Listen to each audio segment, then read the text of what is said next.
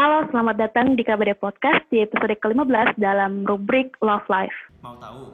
Kita bicara dulu.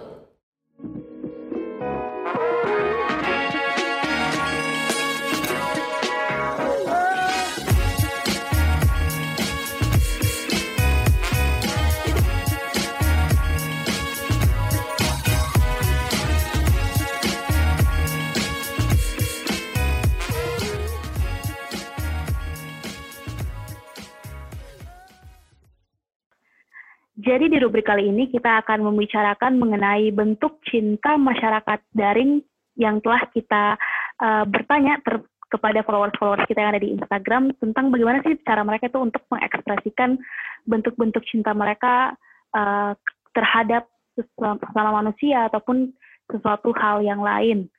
Nah, kita compile bentuk-bentuk cinta mereka itu ada setidaknya tujuh jenis atau tujuh bentuk cinta yang bentuk cinta yang mereka ekspresikan sekarang ini. Nah, uh, menurutnya nih in general sebenarnya bentuk cinta ini seperti apa sih? Uh, oh iya, Kafira. Jadi uh, dari hal yang sudah disampaikan tadi oleh Kafira, sebenarnya bentuk-bentuk cinta ini merupakan cara atau mekanisme yang tentu akan berbeda untuk setiap orang. Karena se semua orang tentu memiliki definisi atau cara mereka masing-masing dalam mencintai seseorang atau sesuatu. Nah, di dalam perspektif psikologi, ternyata ada yang menjelaskan bagaimana bentuk cinta, bagaimana bentuk benci, atau rasa keegoisan yang dimiliki oleh seorang individu, itu sebenarnya sudah diatur di dalam tingkat kehidupan mental. Jadi, uh, di psikologi itu, uh, tokoh yang paling terkenal adalah Sigmund Freud. Nah, Sigmund Freud ini uh, sudah menjelaskan bahwa tingkat uh, kehidupan mental individu itu ternyata sudah dibagi menjadi tiga bagian. Jadi ada tingkat conscious, pre-conscious, dan unconscious. Jadi di sini saya mau mau saya mau tekankan bahwa bentuk cinta atau rasa kasih yang kita berikan kepada seseorang sebenarnya itu berada dalam tingkatan unconscious atau bagian yang paling penting dalam struktur kesadaran uh, pada manusia. Jadi menurut Freud ini bagian dari unconscious ini eh, memerankan bagian terpenting yaitu berisi tentang insting, uh, impuls, drives, uh, emotional feelings yang dibawa baik itu dari lahir atau pengalaman kecil atau dalam pengalaman traumatik. Nah, jadi ketika kita membahas mengenai cinta, berarti kita membahas mengenai bagaimana cara orang mengasihi orang terdekatnya atau orang yang paling berpengaruh di dalam hidupnya.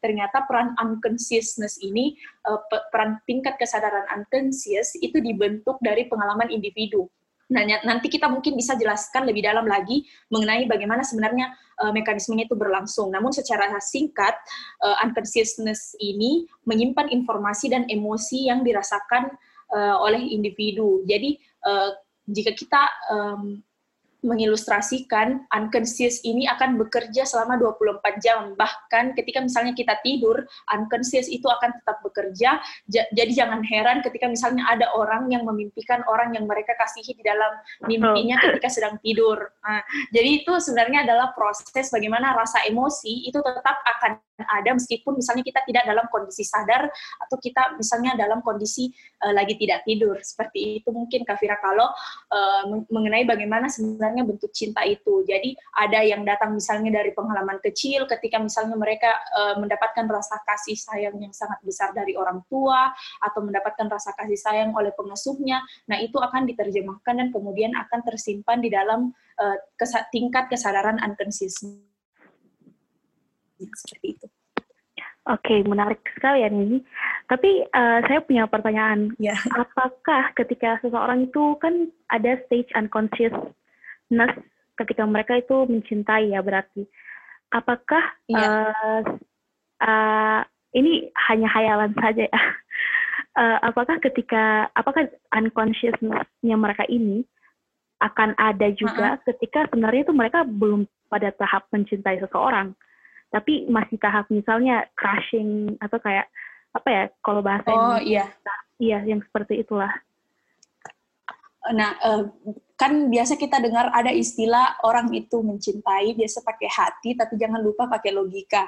Hmm. Nah ini yeah. Ya. uh, ini sebenarnya kalau misalnya kita masih crushing itu biasanya uh, prosesnya itu belum sampai ke unconscious. Ini mungkin okay. uh, kalau kayak iya kayak uh, misalnya ada orang yang lagi suka suka sama aktor seperti itu itu belum sampai ke unconscious karena mungkin uh, karena uh, yang mereka lihat mungkin hanya sekedar dasarnya saja tapi belum uh, belum sampai ke tahapan dia betul-betul merasakan emosi tersebut sampai uh, ke tahap unconscious. Nah, dikatakan ke dikatakan sudah sampai ke tahapan unconscious ketika misalnya orang tersebut akhirnya uh, kalau misalnya diilustrasikan seperti ini, misalnya ada seseorang anak yang uh, misalnya diabaikan oleh kedua orang tuanya, tapi dia memiliki uh, seorang om yang sangat sayang sama dia dan omnya itu misalnya memiliki mata yang coklat. Nah, ketika di masa yang akan datang, dia akan mencari jodoh yang matanya juga warna coklat. Nah, ini sudah termasuk ke tahapan unconscious karena mereka melihat orang tersebut dan memproyeksikannya dengan orang lain yang mereka harapkan itu bisa menjadi pendampingnya seperti itu.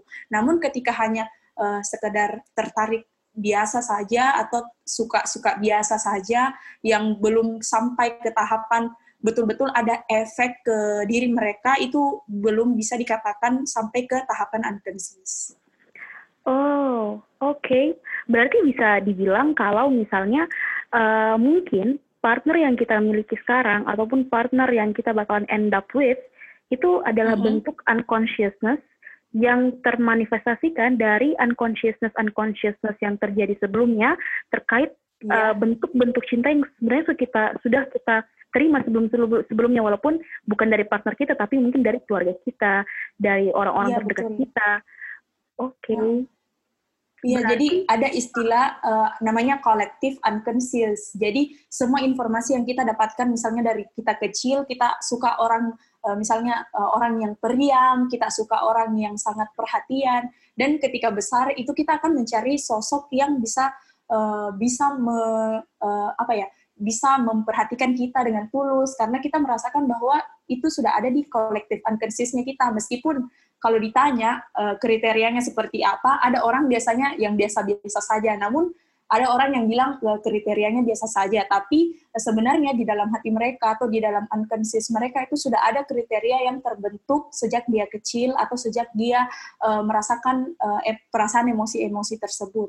Jadi ya seperti hmm. itu uh, kolektif unconscious.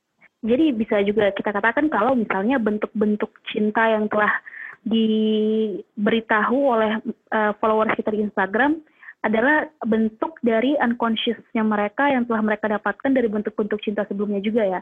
Berarti uh, iya, orang iya. ya berarti followers-followers kita ini bisa mungkin track back kalau misalnya uh, bentuk cinta mereka adalah mereka menjadi pendengar yang baik terhadap pasangan mereka berarti unconsciousness mm -hmm. unconsciousness dari bentuk cintanya itu sudah terjadi sebelumnya misalnya dari orang tua mereka atau keluarga-keluarga yeah, mereka ya oke okay. yeah, menarik yeah. sekali ya atau juga atau juga sebaliknya Kafira misalnya uh, kita punya pengalaman traumatik di masa kecil Misalnya ada orang yang sangat bermasalah dengan sosok ayah, akhirnya mereka uh, di masa yang akan datang uh, tidak akhirnya memilih untuk tidak menikah karena merasa bahwa pernikahan itu toksik untuk mereka. Nah ini ini juga bisa masuk ke dalam unconscious karena mereka sudah losing their trust untuk uh, sosok seperti sosok ayah atau sosok laki-laki seperti itu.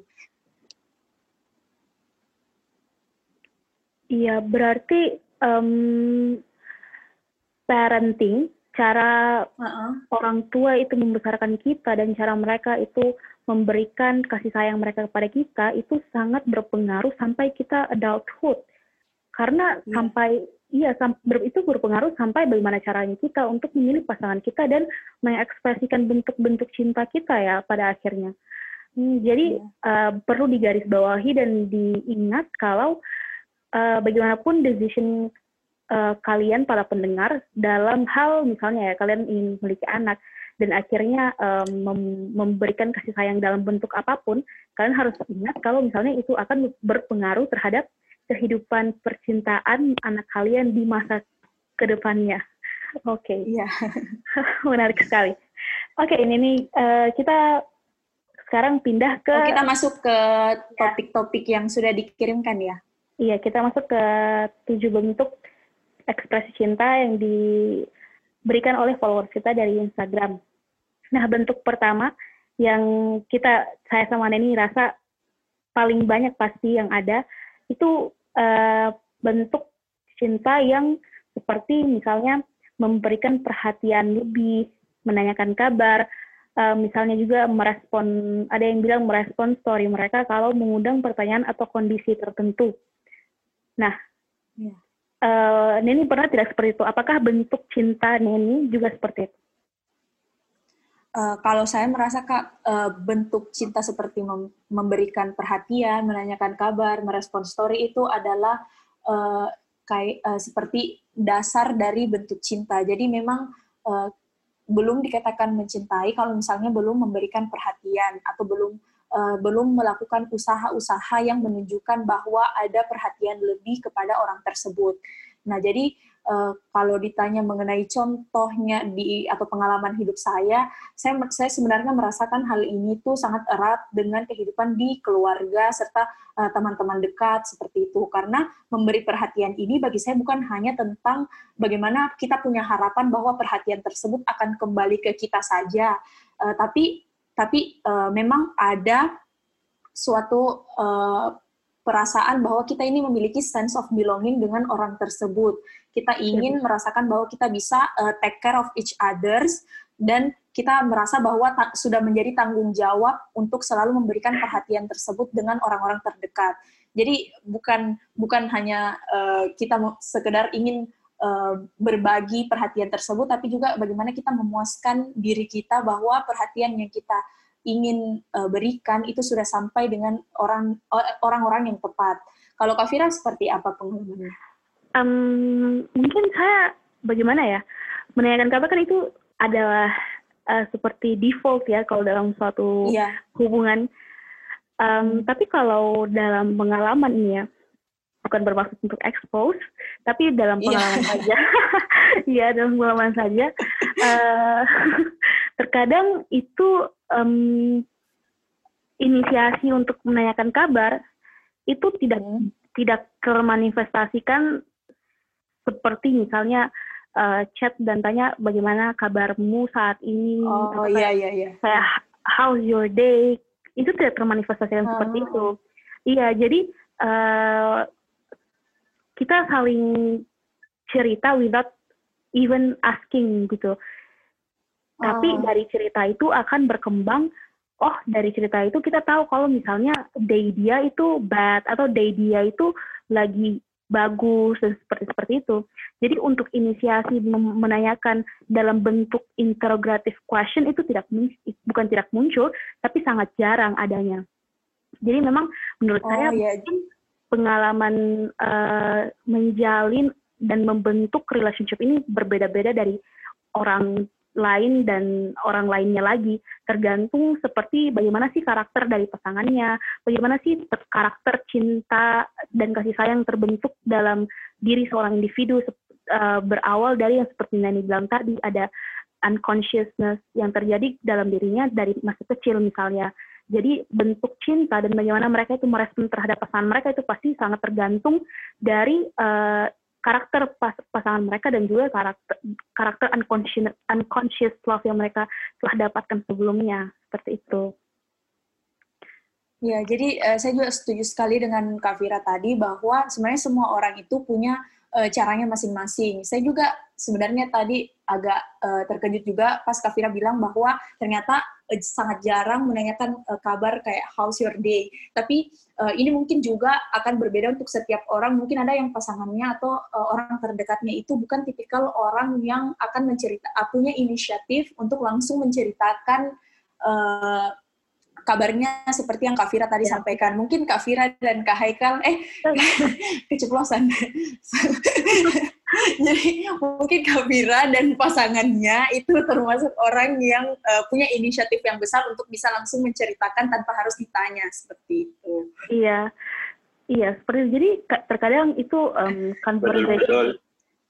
Jadi conversation itu uh, mengalir begitu. Jadi ya uh, kita tidak harus menceritakan tanpa kalau orang uh, tidak bertanya, kita tidak harus menceritakan ketika orang lain bertanya seperti itu. Karena uh, hmm. menurut saya sudah ada establishment kalau uh, because we decide to be together, then we can share anything seperti itu. I mean, we can mm. share whatever we want. Jangan jadi awkward, jangan merasa tidak perlu untuk menceritakan atau jangan jadi the only one striving for this relationship. Karena uh, menurut saya itu um, adalah tipikal uh, atau bentuk ekspresi cinta yang sebenarnya um, inferior, inferior seperti itu menurut saya. Menurut saya pribadi menurut pengalaman jadi dan, saya benar-benar ya belajar. Jadi uh, dari tadi juga kalau memberikan perhatian ini sebenarnya bentuk yang paling umum di dalam love expression. Yeah. jadi perhatian itu bisa dikatakan sebagai kayak standar ideal ya seperti itu dalam bagaimana kita mengekspresikan cinta yang kita miliki ke orang lain. Iya, menurut saya juga mungkin uh, bukan untuk bukan bermaksud untuk menggurui atau mengatakan kalau cara ini itu paling benar, tapi menurut saya uh, uh-huh. terlalu banyak terlalu banyak cerita-cerita yang saya dengar dan juga kayak pengalaman-pengalaman teman-teman saya yang mengatakan kalau um, seperti gini loh, saya tidak bakalan chat dia duluan kalau dia tidak chat saya duluan, kayak something like that yang oh, yeah. menurut iya kan menurut saya yeah, itu yeah, yeah. apa ya sebenarnya sesuatu yang kayak uh, kenapa kal kayak why would you do that gitu ya kenapa terjadi pemikiran seperti itu dalam suatu uh, hubungan yang kalian jalin bersama karena kan itu seperti seperti kayak uh, akhirnya melihat uh, hubungan itu semata-mata transaksional walaupun memang sebenarnya hmm. hubungan adalah transaksional, tapi kan bukan itu inti dari hubungan tersebut. Walaupun harus ada reciprocal, tapi kan bukan berarti kalian tidak boleh menjadi seseorang yang melakukan move duluan seperti itu. Dan iya, jangan, iya. apalagi jangan, mungkin yang kayak cewek-cewek gitu ya kak. Iya, mungkin kayak ini memang paling banyak terjadi di perempuan. Uh, oh. mereka merasa kalau uh, mereka itu harus jual mahal, mereka merasa kalau yeah. mereka itu hmm, tidak menjadi atraktif di pandangan laki-laki kalau mereka seperti itu. Nah, menurut saya sebenarnya mental mental-mental seperti itu harus mulai dihilangkan ya kalau bisa, karena kan uh, kalian tuh harus mem, bukan harus kata-kata harus itu harus dihilangkan. kalian uh, perlu untuk um, yeah. membangun perspektif kalau hubungan itu harus dijalin bersama-sama, bukan dia harus berusaha lebih atau saya harus berusaha lebih, tapi kalian harus berusaha bersama-sama dalam menjalin hmm. hubungan tersebut seperti itu sih. Iya, iya, iya. Saya setuju ya. juga uh, bahwa tadi kan uh, sebenarnya Kak Fira juga jelaskan bahwa kalau di dalam hubungan itu sebenarnya dua-duanya itu harus berusaha, bukan hanya satu pihak saja yang uh, aktif uh, untuk bertanya misalnya, tapi juga bagaimana uh, kedua belah pihak atau misalnya kita dengan keluarga itu bisa sama-sama saling memberikan perhatian satu sama lain. Yeah, nah ternyata juga uh, dijelaskan bahwa uh, tidak uh, jadi bentuk perhatian ini sebenarnya sejalan dengan uh, bagaimana nilai-nilai moral yang diajarkan uh, misalnya orang tua kita kepada kita atau misalnya dari budaya yang kita miliki. Jadi perhatian ini bentuk perhatian ini sebenarnya sangat banyak. Jadi uh, di sini kita juga uh, berusaha untuk menjelaskan bahwa bentuk perhatian itu bukan hanya bagaimana kita ke pasangan, tapi juga orang-orang lain seperti misalnya tetangga, kayak keluarga, sahabat. Apalagi apalagi di kondisi saat ini yang masa pandemi, di mana orang sangat membutuhkan perhatian yang lebih. Jadi usahakan kita meningkatkan rasa sensitif uh, sensitivitas kita untuk hal-hal yang sejalan dengan nilai moral, which is bagaimana kita bisa mem saling memberikan perhatian satu sama lain. Iya, benar sekali. Oke, kita lanjut yang kedua, Neni. Yang kedua yeah. itu ada katanya bentuk cintanya itu adalah jealous dan possessive sometimes. Uh, berarti, iya, iya. berarti dia cemburuan dan juga uh, ingin selalu protektif ya kalau positif itu terhadap pasangannya. Iya, iya. Menurut ini seperti apa? Kalau bentuk cinta? Kalau saya kalau saya kak uh, jealous dan posesif sebenarnya sesuatu yang harusnya dipisahkan ya. Bukan bukan sesuatu yang harus digabung karena jealous sama posesif itu akan berbeda makna. Kalau jealous itu misalnya kita punya rasa cemburu ketika uh, misalnya ada pasangan kita yang dekat dengan orang lain atau misalnya kita melihat orang tua kita lebih dekat dengan saudara kita yang lain. Nah, jealous itu seperti itu. Tapi kalau posesif itu bisa saja bentuknya bentuknya atau bagaimana dia memanifestasikan rasa jealousnya itu akan lebih agresif atau akan lebih uh, lebih uh, apa ya lebih kuat dari itu. Misalnya dia misalnya menyakiti pasangannya atau misalnya dia melukai secara fisik pasangannya atau misalnya uh, betul-betul uh, memberikan kata-kata yang sangat-sangat tidak etis kepada orang-orang terdekat mereka. Nah, itu bisa dikatakan posesif. Jadi ketika kita membahas mengenai jealous dan posesif seperti ini, sebenarnya sangat berkaitan dengan bagaimana pengalaman individu. Jadi kembali tadi dengan apa yang saya jelaskan di awal bahwa prosesnya individu ini akan mengalami sebuah pengalaman pahit mengenai suatu hubungan yang bisa saja dialami secara langsung atau mereka melihat dari uh, proses di sekelilingnya. Jadi cemburu atau cemburu yang kita membahas cemburu yang tidak wajar ini bisa diakibatkan dari pengal mungkin pengalaman pahit yang kemudian ditekan ke dalam unconscious seseorang. Jadi ini bisa saja juga bisa bisa datang dari masa kecil seseorang yang misalnya sangat takut kehilangan seseorang atau uh, orang yang sangat dekat dengan dia. Contohnya ini jika diilustrasikan misalnya ada seorang anak yang uh, yang sangat uh, sayang sama ibunya tapi ibunya harus meninggalkannya selama-lamanya. Nah, di sini uh, orang tersebut jika misalnya tumbuh besar dan dewasa menemukan sosok pasangan yang mungkin dia rasa sangat cocok dengan dirinya, dia akan bisa bertindak posesif ketika misalnya pasangannya itu menunjukkan indikasi bahwa uh, dia akan meninggalkan pasangannya atau misalnya dekat dengan orang lain seperti itu. Itu posesif atau cemburu yang tidak wajar itu bisa datang dari situ. Mm, Oke. Okay. Menarik, atau menarik. bagaimana menurut Kak Fira? Iya, Uh, ya, menurut saya setuju juga ya. Uh, kalau sebenarnya kalau mau dibilang sih jealousy sama um, memberikan bukan memberikan jealousy sama sifat cemburu itu hal yang sangat wajar terjadi dalam suatu hubungan kan ya karena memang um, kita kita di kita dibiasakan dengan konstruksi kalau ketika membangun hubungan berarti kalian itu belong to each other. Nah, kata belong to each other itu berarti hmm. suatu bentuk kepemilikan. Kalian bakal merasa kalau kalian memiliki seseorang, seseorang ini loh. Jadi kalian itu harus menjaga dia, protek dia, dan membuat dia itu tetap menjadi milik kalian. Akhirnya ketika kalian melihat indikasi-indikasi kalau seorang ini bakalan tidak lagi menjadi milik kalian, uh, atau such oh. overthinking, ya kalian pasti bakalan merasa cemburu.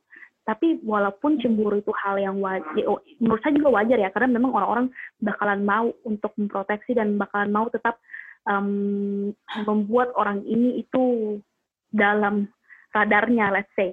Tapi saya setuju sama yang yeah. dikatakan kalau misalnya itu berlebihan ya itu sudah tidak bagus lagi.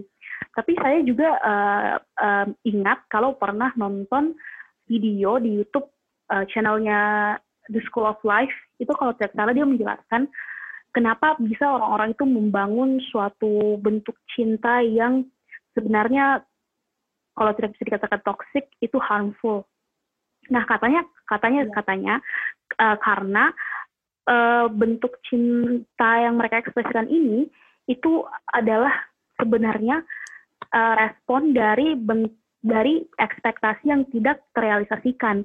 Misalnya, uh uh, di video ini tuh dijelaskan kalau misalnya dari kecil sebenarnya kita tuh sudah menerima uh, kasih sayang dan cinta dari orang tua kita tanpa sebenarnya uh, kita itu diekspektasikan untuk resiprokal kepada mereka. Uh, iya, jadi kayak orang tua kita tuh uh, secara terus menerus and sustainable itu memberikan kasih sayang mereka tanpa sebenarnya mereka itu memaksa kita untuk memberikan kasih sayang kasih sayang balik. Dan itu sebenarnya jadi safety net kita karena uh, walaupun kita nakal, kita tidak mendengarkan mereka, tapi mereka bakalan selalu memberikan kasih sayang tersebut, kan ya? Karena ada hubungan biological yang sebenarnya membuat orang tua dan anak memiliki hubungan yang seperti itu. Nah, akhirnya katanya uh, uh, hal tersebut akhirnya terbawa sampai kita dewasa dan kita merasa kalau sebenarnya ketika kita mendapatkan suatu kasih sayang dari orang lain itu bakalan sama persis dengan apa yang telah kita uh, miliki atau ap apa yang telah kita uh, experience di sebelumnya dengan orang tua kita. Jadi mereka bakalan iya. ekspektasikan kalau si orang baru ini loh, misalnya si laki-laki atau si perempuan ini, itu bakalan mem ya bakalan memberikan bentuk cinta yang sama dengan orang tua kita. Padahal kan tidak seperti itu, karena uh, tidak ada hubungan biological atau hubungan yang mengikat antara partner mereka ini sama orang sama di, dia sendiri berbeda dengan orang tua. Ya, ya. Nah akhirnya mereka itu ekspektasikan seperti itu dan tidak terrealisasikan akhirnya mereka jadi kecewa dan kecewa ini termanifestasikan dengan bentuk-bentuk uh, ekspresi cinta yang harmful seperti jealousy sama possessive tadi. Kalau oh. uh, iya jadi oh, kalau iya. dijelaskan oleh video itu seperti itu. Iya, jadi eh, yang disampaikan Kak Fira juga tadi itu sebenarnya meng-highlight apa yang kita bahas hari ini bahwa ternyata pengalaman kita bersama orang tua atau uh, pengalaman kita di masa kecil dengan orang-orang terdekat kita dengan pengasuh kita itu sa sangat mempengaruhi bagaimana kita akhirnya mengekspresikan bentuk cinta kita di masa yang di masa yang akan datang misalnya ketika kita bertemu dengan seseorang yang akhirnya akan menjadi pasangan kita. Jadi uh, mungkin pesannya adalah kita berusaha untuk tetap berpikir rasional, jangan uh, jangan juga ter, terlalu mengedepankan misalnya perasaan kita dibandingkan pikiran kita, tapi biarkan keduanya itu berjalan berjalan beriringan tanpa kita harus mengorbankan sat, uh, salah satunya. Jadi ketika misalnya kita bisa berpikir secara rasional, kita mungkin bisa meminimalisirkan perasaan-perasaan jealous yang sangat tidak wajar itu dan akhirnya itu bisa menjadi bentuk usaha kita untuk tetap bisa mempertahankan hubungan yang sebenarnya masih bisa dipertahankan seperti itu ya Kak Fira. Iya, menurut saya juga uh, mungkin harus ditanamkan perspektif kalau misalnya setiap individu itu memiliki bentuk cinta dan mengekspresikan bentuk cintanya itu berbeda-beda seperti yang telah kita katakan tadi menurut experience mereka bersama uh, yeah. orang tua mereka dan eh, orang-orang yang pernah memberikan mereka kasih sayang. Jadi ketika kalian akan menjalin suatu hubungan yang baru misalnya uh, coba mendiskusikan atau mengkomunikasikan sebenarnya uh, love expression atau love language yang kalian uh, masing-masing punya itu seperti apa. Jadi tidak akan lagi ada kayak hmm. saya expectnya kali, saya expectnya kamu itu seperti ini loh, kamu itu seperti ini. Nah, hmm. itu kan sesuatu yang sebenarnya bisa disolusikan dengan adanya pre-communication dulu sebenarnya sebelumnya kan. Jadi um, mungkin bisa ditanamkan perspektif kalau misalnya uh, everyone love expression itu berbeda. Uh, kalau misalnya kalian ingin sesuatu hmm. itu dilakukan oleh partner kalian, kalian harus mengkomunikasikan hal tersebut dulu. Oh, oh ya Kak Fira, saya juga mau bertanya, kan kita bahas tentang uh, jealous, pasti uh, orang yang sudah memiliki pasangan pasti pernah merasakan. Nah, saya ingin menanyakan bagaimana pengalaman Kak Fira ketika misalnya merasakan jealous dan bagaimana akhirnya Kavira menyampaikan hal tersebut ke pasangannya dan akhirnya bisa merekonsiliasi hubungan tersebut. Oke, okay. menarik. Hmm. seingat saya ya, seingat saya di uh, my relationship itu jealousy bentuk uh, kecemburuan itu uh, tidak pernah mungkin ya mungkin seingat saya tidak pernah saya verbalkan. Hmm. I mean I never tell him directly. Oh iya. Yeah. Misalnya ya kalau misalnya I'm jealous.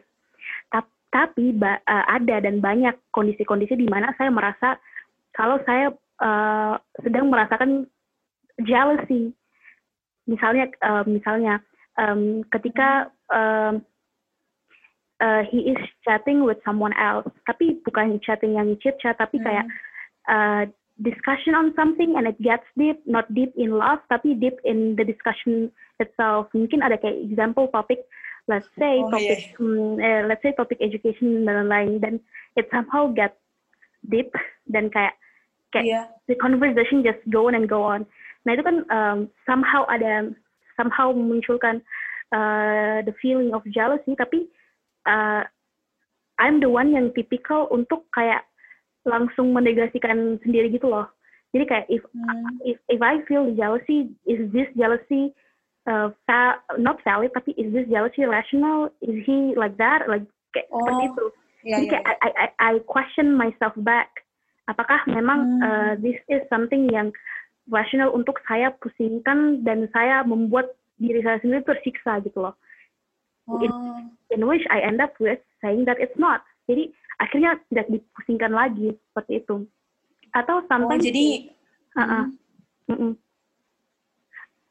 Iya kak, lanjut lanjut. Iya, atau sometimes in condition bukan chit-chat yang di, seperti tadi itu bahas suatu topik misalnya atau uh, mungkin uh, pernah uh, like someone chat him without apa ya without precedence kayak sangat random mm -hmm. seperti itu terus pernah uh, let's say having history nah mm. kalau in such condition uh, sometimes jealousy there tapi like uh, mungkin karena um, we both have so much discussion tentang jealousy, infidelity dan lain-lain.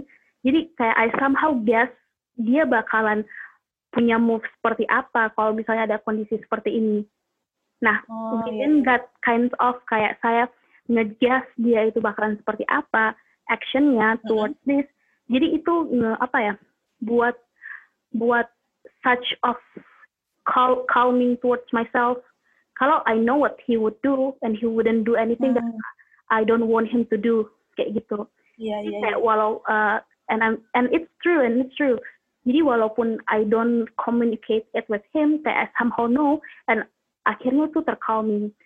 Tapi bukan berarti kita tidak pernah discuss ini. Yang kayak saya bilang tadi, because we discuss so much about jealousy and infidelity, jadi akhirnya uh, this kind of things itu akhirnya ter tercover atau terjawab di uh, that kind of situation ketika kita discussing on something.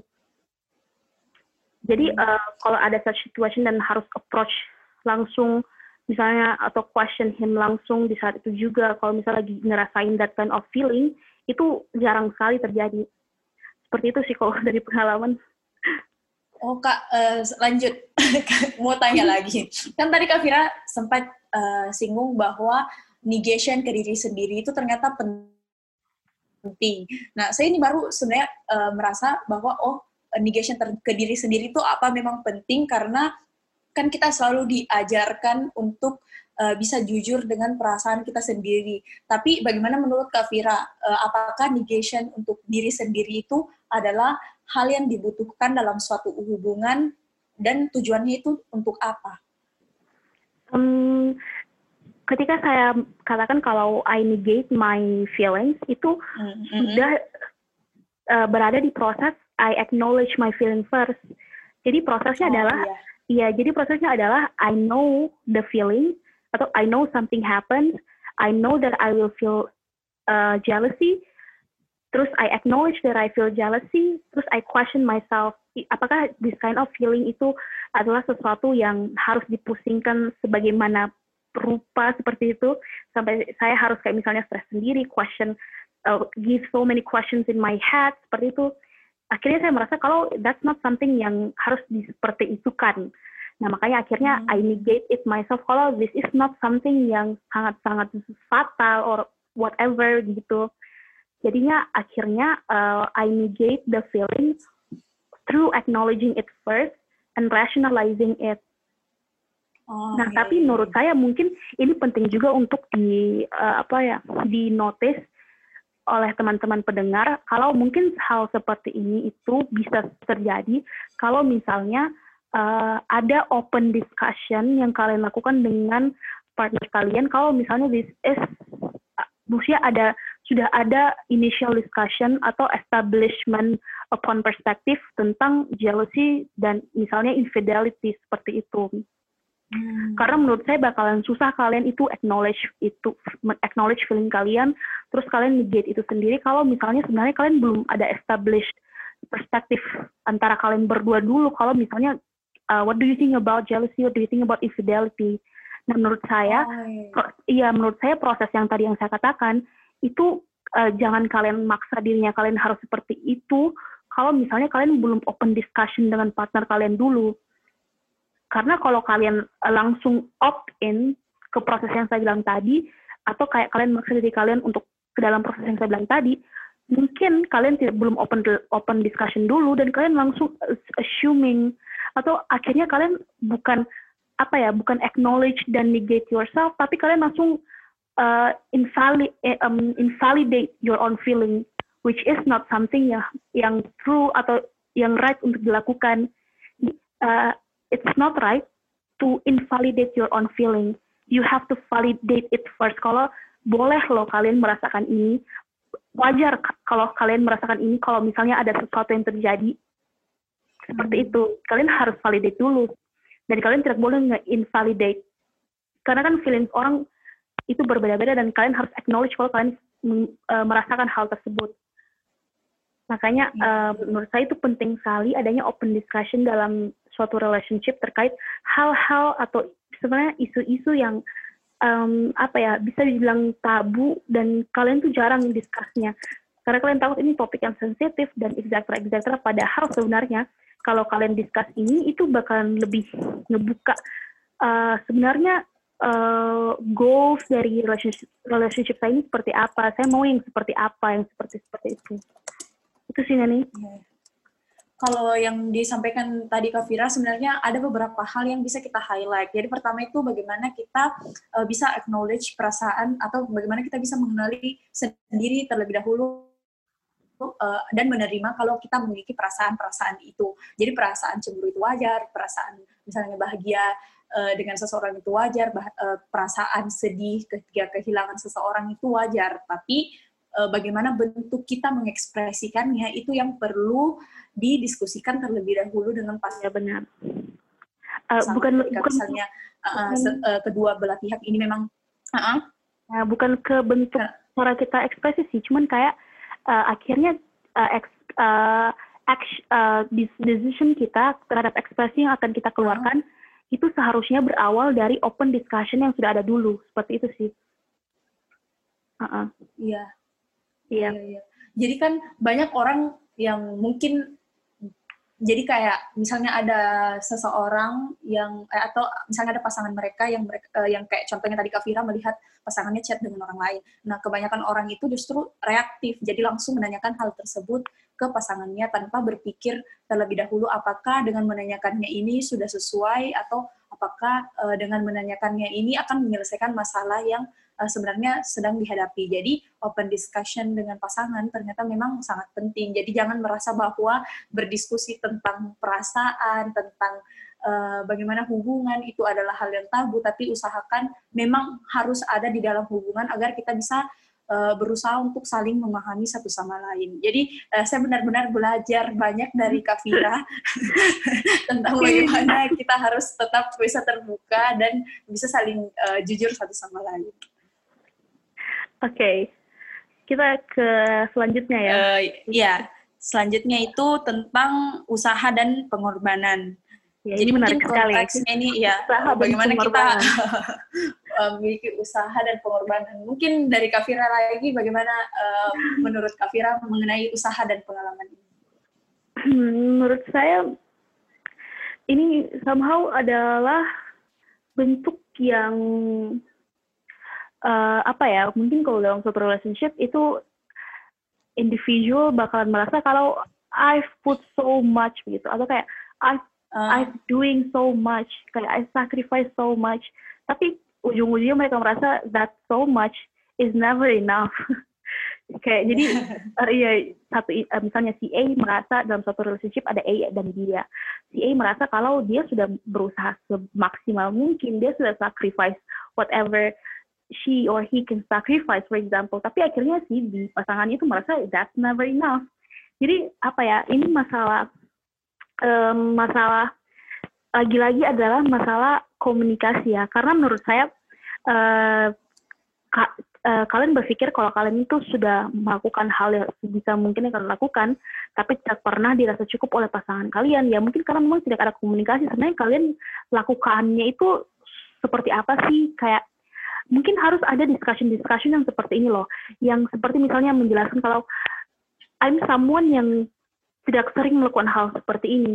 Kayak saya sangat hmm. susah untuk melakukan A, saya sangat susah melakukan B, atau saya baru melakukan hal ini hmm. di di relationship ini loh, saya baru melakukan ini di kau begitu, atau di kamu hmm. begitu. Nah, menurutku discussion discussion menurut saya discussion discussion seperti itu itu penting untuk supaya partner kalian tuh understand sebenarnya uh, effort yang kalian lakukan tuh sudah sesignifikan apa dan sudah sedip apa atau sacrifice kalian itu yeah. sudah sebagaimana besarnya. Nah ini penting untuk create uh, same underground atau understanding kalau sebenarnya this relationship adalah relationship yang memiliki so much usaha-usaha yang ingin diusahakan kayak seperti itu. Yeah, yeah. Hmm. Menurut ini bagaimana? Nah kalau saya sih kak, uh, saya juga setuju dengan Kak Fira tadi. Kalau sebenarnya uh, yang paling penting itu adalah bagaimana kita bisa mengkomunikasikannya. Tapi hal yang hal lainnya juga sebenarnya usaha dan pengorbanan menurut saya itu sesuatu yang uh, harus dipisahkan juga karena okay, kalau iya, iya. kita pakai kita pakai istilah pengorbanan mungkin saya merasa bahwa it's apa ya kayak itu tidak begitu etis untuk di, dikatakan dalam suatu hubungan karena saya merasa bahwa kita itu di dalam hubungan tidak berkorban tapi bagaimana kita saling membangun satu sama lain jadi bagaimana kita bisa menanamkan pemikiran bahwa ketika ketika kita misalnya memberikan usaha atau kontribusi yang sangat besar terhadap pasangan kita dan kita merasa bahwa pasangan kita lebih sedikit, jangan merasa bahwa hal itu adalah bentuk pengorbanan. Tapi uh, kalau dalam bahasa ekonominya kayak kita kita uh, jadikan itu sebagai bentuk investasi kita untuk hubungan yang lebih baik di masa yang akan datang.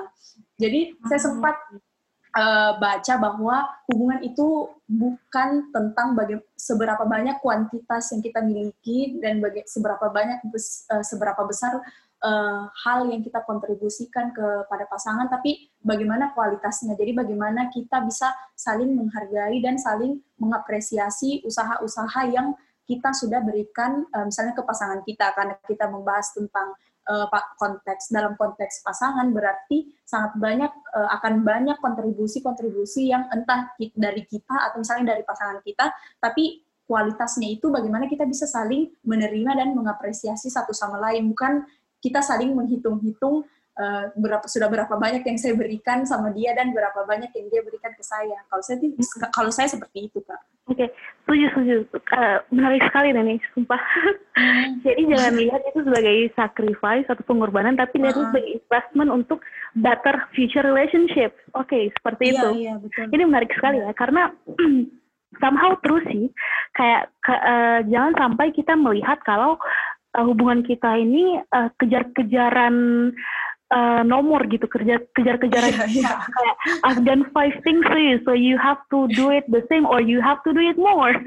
Kayak seperti yeah, itu. yeah, betul, okay betul. that's that's uh, that's bad in a relationship. Kalau kalian merasa akhirnya kalian harus berkompetisi lagi di di ranah ini di ranah relationship. Kalau hmm. kalian harus berkompetisi siapa sih paling cinta atau siapa sih paling suka dengan uh, pasangan kalian. Nah, menurut saya itu um, bakalan create a bad feeling ya dan a bad experience. Yeah. Teman-teman pendengar podcast kita bicara dulu, uh, dikarenakan waktu sudah terlalu lama untuk membahas bentuk-bentuk cinta masyarakat daring yang kalian input di Instagram kami, kami rasa perlu untuk dibuatkan lagi episode berbeda yang membahas bentuk-bentuk cinta masyarakat daring yang masih tersisa uh, demi kenyamanan kita, kalian juga dan juga kami dalam membahas hal tersebut. Jadi, stay tune di episode selanjutnya dalam rubrik Love Life yang akan membahas mengenai masih dalam topik bentuk-bentuk cinta masyarakat daring. Terima kasih.